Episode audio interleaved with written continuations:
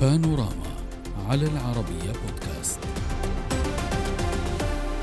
ما توصف بأنها إشارات تفاؤل تستمر في طريق المصالحة السعودية الإيرانية والتي رعتها الصين في العاشر من الشهر الماضي. فالبدء في تنفيذ الاتفاق الثلاثي الذي وقعته الدولتان برعاية الصين قد تم لإعادة العلاقات المقطوعة منذ العام 2016 وفق وكالة الأنباء السعودية.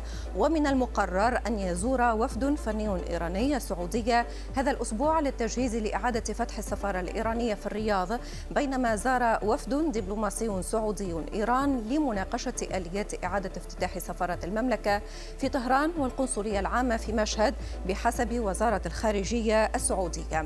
هذه هي أول زيارة رسمية يقوم بها مسؤولون سعوديون لإيران منذ سبعة سنوات وبعد يومين من لقاء وزيري خارجية البلدين في بكين. هذا وكان تعهد وزير الخارجية السعودي فيصل بن فرحان ونظيره الإيراني حسين أمير عبد اللهيان تعهدا بالعمل من أجل استثمار باب الأمن والاستقرار في منطقة الخليج وليس الخليج فقط فوفق مراقبين فإن إيجابيات الاتفاق من شأنها تجنيب منطقة الشرق الأوسط الكثير من الأزمات السياسية والأمنية. نناقش هذا الموضوع مع ضيوفنا من الرياض جاسر الجاسر الكاتب الصحفي أهلا بك. ومن واشنطن الدكتور حسن هاشميان الباحث في الشأن الإيراني. أهلا بكم ضيوفي الكرام. اسمحوا لي أن أبدأ من الرياض معك أستاذ جاسر. في الواقع منذ الإعلان عن الاتفاق الذي وصفه مراقبون بالتاريخي في العاشر من مارس الماضي آه، بنية آه، تطبيع العلاقات بين السعودية وإيران بدأت شيئا فشيئا مع مرور الأيام تتوضح كيف كيفية العمل على تنفيذ بعض هذه النقاط. آخر آه، هذه النقاط هي آه، العمل على إعادة فتح السفارات وهناك ترتيبات وإجراءات جارية في هذا الإطار. هذه الخطوة أستاذ جاسر ما الذي يمكن أن تمثل في إطار إعادة العلاقات بين الطرفين؟ آه، مساء الخير. أهلا بك. وفقا لاتفاق بكين يبدو أن الخطوات تتحقق بتسارع عالي جدا وأن هناك حتى الآن على الأقل بشكل واضح استجابة إيرانية واضحة لكل المتطلبات السعودية وتعمل على تنفيذها ولذلك نجد وهذه رغبة واضح إنها قوية أيضا هذا التسارع في العملية آه، مهم جدا لأنه فعلا يؤكد أن نحن نمضي في الطريق الصحيح. اليوم مثلا يعني زيارة السفير محمد الجابر إلى صنعاء ولقاء بالحوثي هذه خطوة مهمة جدا، هذه لم لم تكن تحدث لولا الرسالة مباشرة من طهران. صحيح إنه الحضور الوفد العماني هو جزء من الشراكة وفريق عمل مشترك لكن الرسالة القوية تصل من طهران الخطوة الأولى اللي هي نعم. حددتها المملكة سابقا بشهرين لبدء العلاقات بشهرين لبدء العلاقات هي في ملفين ذكرت سابقا يجب أن نتحدث فيهم الملف اليمني م. وملف الخلايا الإرهابية والجماعات الإرهابية اللي تحضنها إيران المؤشرات الأولى إيجابية ونمضي في الطريق الصحيح ويبدو انه عملية فتح السفارات أيضا ستكون أسرع من المتوقع ربما قبل 10 أبريل اللي هو التاريخ النهائي هذه المسارات واضح إن هناك نية واضح حتى الآن في هذا المسار لتحقيق الاستقرار والعمل عليه مشترك والطلبات وأيضا لا ننسى الدور الضامن الصيني في تحقيق هذه المعادلة أو في الضغط على إيران في هذا الجانب. اذا هناك عملية متحركة كاملة وخطوات متسارعة، لم يذهب محمد الجابر إلى صنعاء لمجرد السلام أو لبدء نعم. عملية تفاوض تبادل الاسرى، لا هو ذهب برؤية محددة لعملية عقد لقاءات بين الأطراف اليمنية تؤسس إلى حل صحيح. سياسي كامل ونهائي في اليمن. جدا مهمة الممن... أستاذ أي... جاسر هذا موضوع ثاني على فكرة. هذا موضوع بانوراما الثاني. نحن سنخص آه، نقاشنا في ملف بانوراما الثاني وسنتحدث عن اليمن لأنك تعلم بأن هذا الموضوع بالتحديد يتحمل نقاش آه، طويل وعميق وفيه آه، نقاط عديدة يجب أن تناقش. ولكن في موضوع إعادة العمل على ترتيب فتح السفارات حضرتك قلت بأن هناك خطوات متسارعة. قرأت بأن هناك حسن نية من الطرفين وتطبيق محاولة لتطبيق هذه البنود من الطرفين. اسمح لي أن أنقل هذه النقطة للدكتور هاشميان. دكتور هل ترى كضيفي بأن تسارع الخطوات ينبئ أو على الأقل يشير إلى أن هناك عمل سبق هذا الاتفاق المعلن في العاشر من مارس؟ وبالتالي هناك اتفاقات مبدئية وفي هذه المرحلة نحن نتابع كيفية التنفيذ لا أكثر. أنا أعتقد التفاصيل هي ستكون جدا مهمة وكما يقولون الشيطان يكمن في التفاصيل.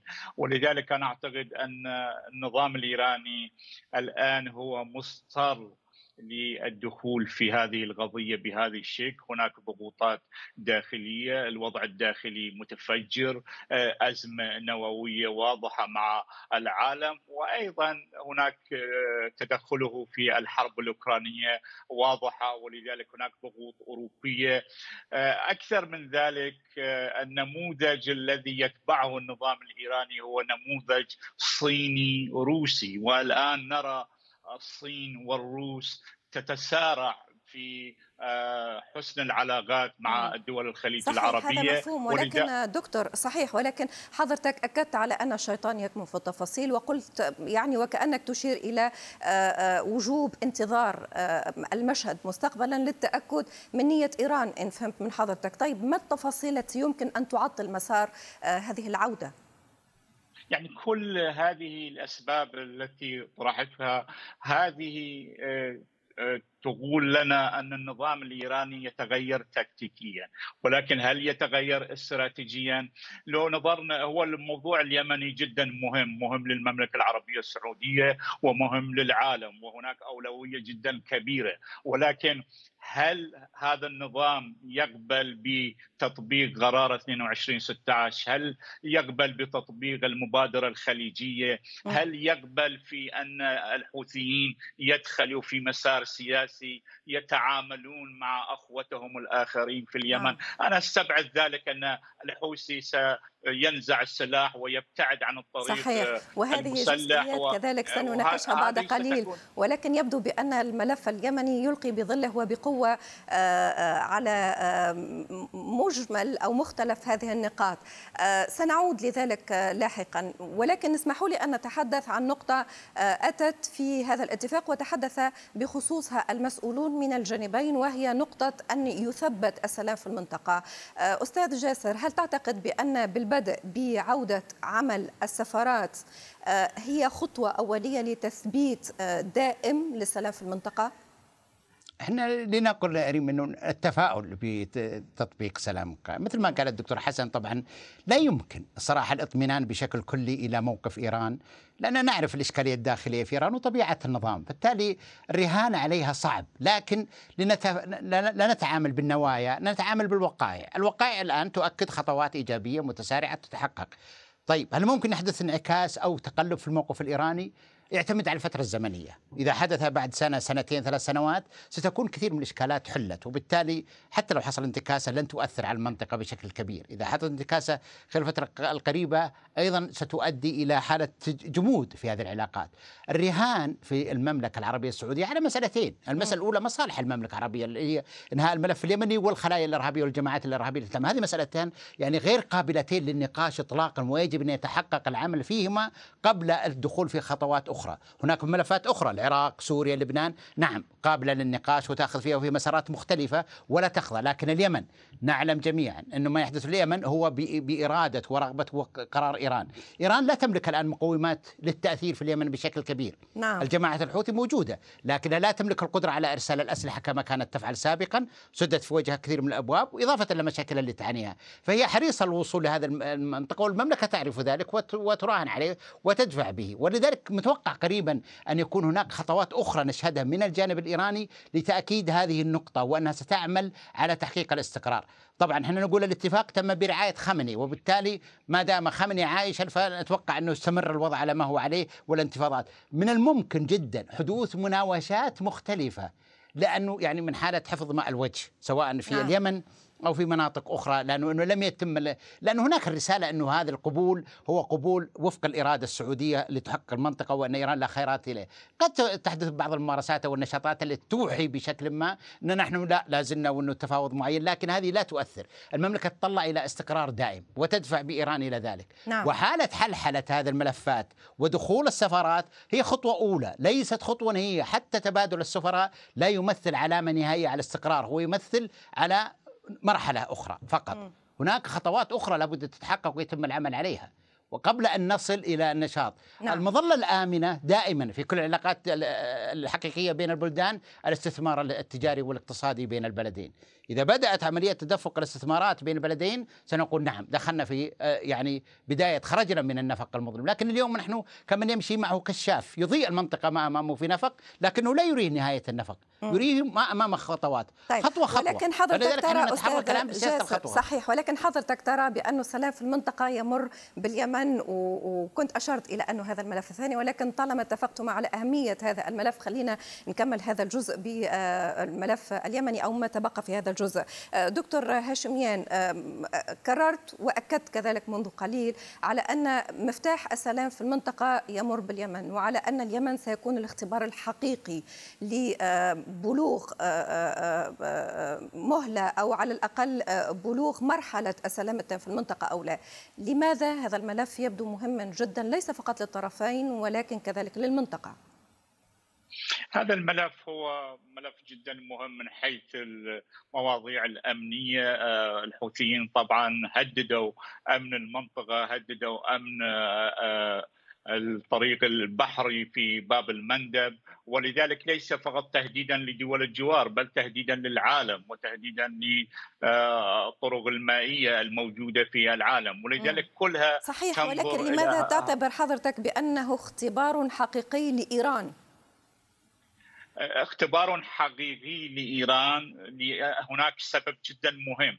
المملكة العربية السعودية لا يهمها من يحكم اليمن يهمها الاستقرار ويهمها الأمن في هذا البلد ويهمها أن لا توجد هناك تهديدات للدول الجوار. ولكن هناك فرق بين المملكة العربية السعودية والنظام الإيراني، النظام الإيراني يهمه فقط أن الحوثي يحكم في اليمن وليس لديه أي بديل آخر، ولذلك يعمل كل شيء من أجل هذا الهدف أن الحوثي بسلاحه وبمجموعاته نعم. يبقى حاكما في اليمن آه، هناك مسألة مهمة يجب أن نطرحها هنا أن النظام الإيراني وهي نقطة إيجابية النظام الإيراني لا يمكن الرجوع عن الطريق الذي طرحته الصين بهذه المبادرة وهذه المصالح. هذه نقطة جدا مهمة. ولكن النقطة السلبية أن النظام الإيراني يعمل تكتيكات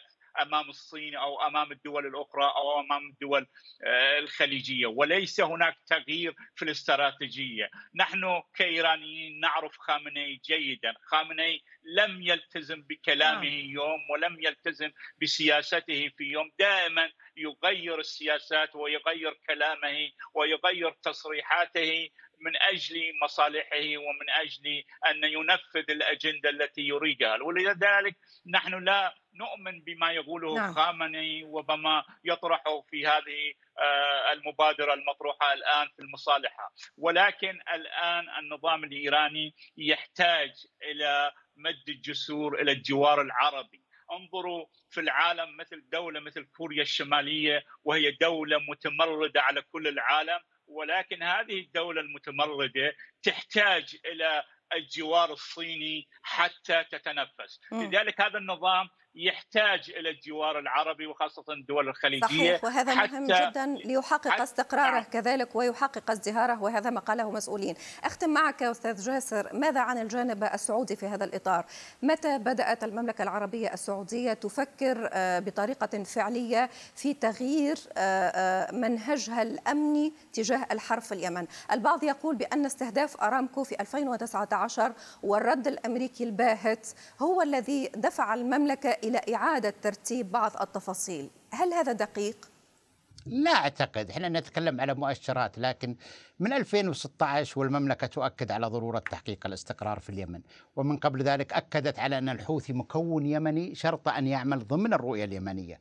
لم ت... المملكة لم تحارب الحوثي لأنه يعني تختلف معه في تختلف تريد أن يكون الحوثي أحد الأطراف اليمنية. هذه مسألة واضحة وتكررت كثيرا في تصريحات المسؤولين السعوديين نعم. على مختلف المستويات. ابدا لم يكن هذه النقطة مهمة جدا إنه لا صراع مع الحوثي لأنه حوثي. الصراع نحن نعرف. اليوم مثلا نعود إلى نقطة الآن لقاء السفير محمد باختصار لو سمحت. يعني إيران لا تعت... إيه إيران لا تعترف إنها ترعى الحوثي لكننا نعرف جميعا من الداخل أن هذا إن هذا التحرك تم بإرادة إيرانية وبالتالي نحن نتعامل الآن مع ذراع إيرانية ظاهرة ولكن المحرك العرائس والخلف في طهران شكرا. غير ظاهر. نعم. فالصورة الصورة بسيطة واستحقق هذه المساله نعم. أود شكرك جزيل الشكر من الرياض جاسر الجاسر الكاتب الصحفي ومن واشنطن الدكتور حسن هاشميان الباحث في الشأن الإيراني. شكرا لكما. السلام عليكم.